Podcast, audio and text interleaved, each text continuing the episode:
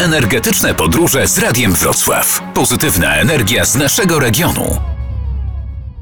Strona czeska oprotestowała kontynuację wydobycia węgla w kopalni Turów i przedłużenie koncesji dla Turowa. Czesi uważają, że polska kopalnia zabiera im wodę przede wszystkim w jednej miejscowości, w miejscowości Uchelna, ale protestował przeciw temu cały liberecki kraj. Sprawa trafiła nawet do Brukseli.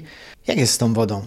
Na temat braku wody w Czechach, we wsi Uchelna i wpływ kopalni Turów na jej utratę był tematem bardzo szeroko omawianym stroną społeczną, mieszkańcami Republiki Czeskiej, z ekspertami czeskimi na wszelkich etapach uzgodnień decyzji środowiskowej jaką przypomnę w styczniu 2020 roku otrzymaliśmy. Sławomir Wochna, dyrektor oddziału kopalni Turów. Jednym z takich właśnie działań było podjęcie budowy ograniczającej potencjalny wpływ y, odkrywki Turów na ubytek wody w Republice Czeskiej i umówiliśmy się na wykonanie ekranu przeciwfiltracyjnego długości 1100 metrów, którego zadaniem jest ograniczenie przepływania wody od strony czeskiej do kopalni Turów. W takim razie to kopalnia Turów zabiera wodę Czechom? To nie jest tak do końca powiedziane, że to kopalnia Turów wpływa na obniżenie stanów wód e, w regionie.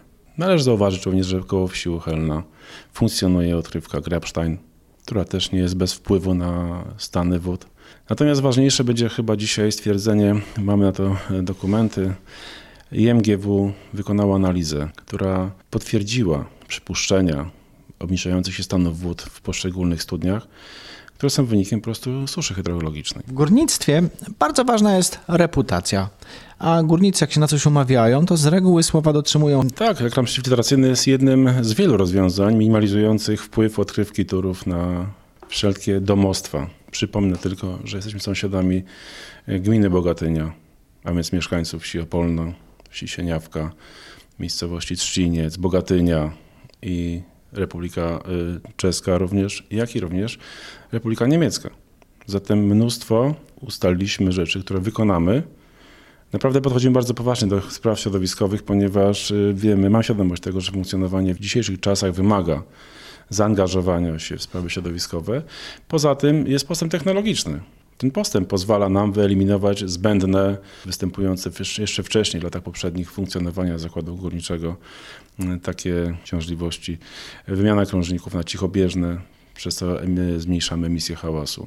Budowa ekranów przeciwhałasowych na stacjach, tam gdzie zabudowane są takie powiedzmy głośniejsze urządzenia, czy też montowanie już nowych, o wiele cichszych urządzeń pozwala nam na zmniejszenie choćby hałasu, zapylenia poprzez stosowanie zraszania przesypów na lejach, na drogach węglowych.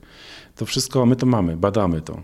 Badamy wiele czynników środowiskowych, które minimalizujemy, aby być jak najmniej uciążliwym dla otoczenia. Po kilkuletnim postępowaniu środowiskowym dla kopalni Turów została wydana krótka, taka tymczasowa koncesja organizacje ekologiczne z Polski i z Czech podnoszą, że jest ona nielegalna.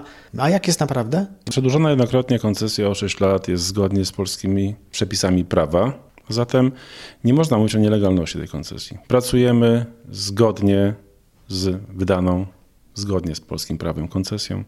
Realizujemy, i to jest to ważniejsze, realizujemy już decyzję środowiskową, która pozwala nam pracować i dostosowywać się do rozwiązań przyjętych, zatwierdzonych bo przypomnę tylko, że przy procedowaniu raportu o oddziaływaniu środowisko, którego konsekwencją jest wydanie decyzji środowiskowej, były ustalenia z, ze wszystkimi otaczającymi nas mieszkańcami. Z polską stroną społeczną, z czeską stroną społeczną, z ekspertami czeskimi i tak samo z Republiką Federalną Niemiec, a zatem ze społeczeństwem i z ekspertami Republiki Federalnej Niemiec. Musimy jeszcze powiedzieć sobie, po co my to pracujemy. Kopalnia Turów kopie węgiel. Elektrownia Turów z tego węgla wytwarza energię. 7% energii elektrycznej w Polsce. W koło buduje się e, mnóstwo ozowych instalacji. W przeważającej części jest to fotowoltaika. Ale stabilizacja tych systemów, wpuszczenie energii ozowej w system wymaga jego stabilizacji. A zatem nie da się na dzień dzisiejszy bez magazynowania energii, bez potężnych magazynów energii funkcjonować tylko na energii ozowej. Dlatego ważnym jest, aby była energia w systemie, która jest dostępna cały czas. I taka jest na dzień dzisiejszy niestety, ale taka jest dzisiaj jeszcze energia konwencjonalna, najbardziej pewnym źródłem dostępu do energii elektrycznej przez każdego z nas mieszkańca. Każdy chciałby przyjść do domu, włączyć światło każdej porze dnia i nocy, a wtedy może nie wiać, nie świecić słońce. Zatem trzeba tą energię dostarczać.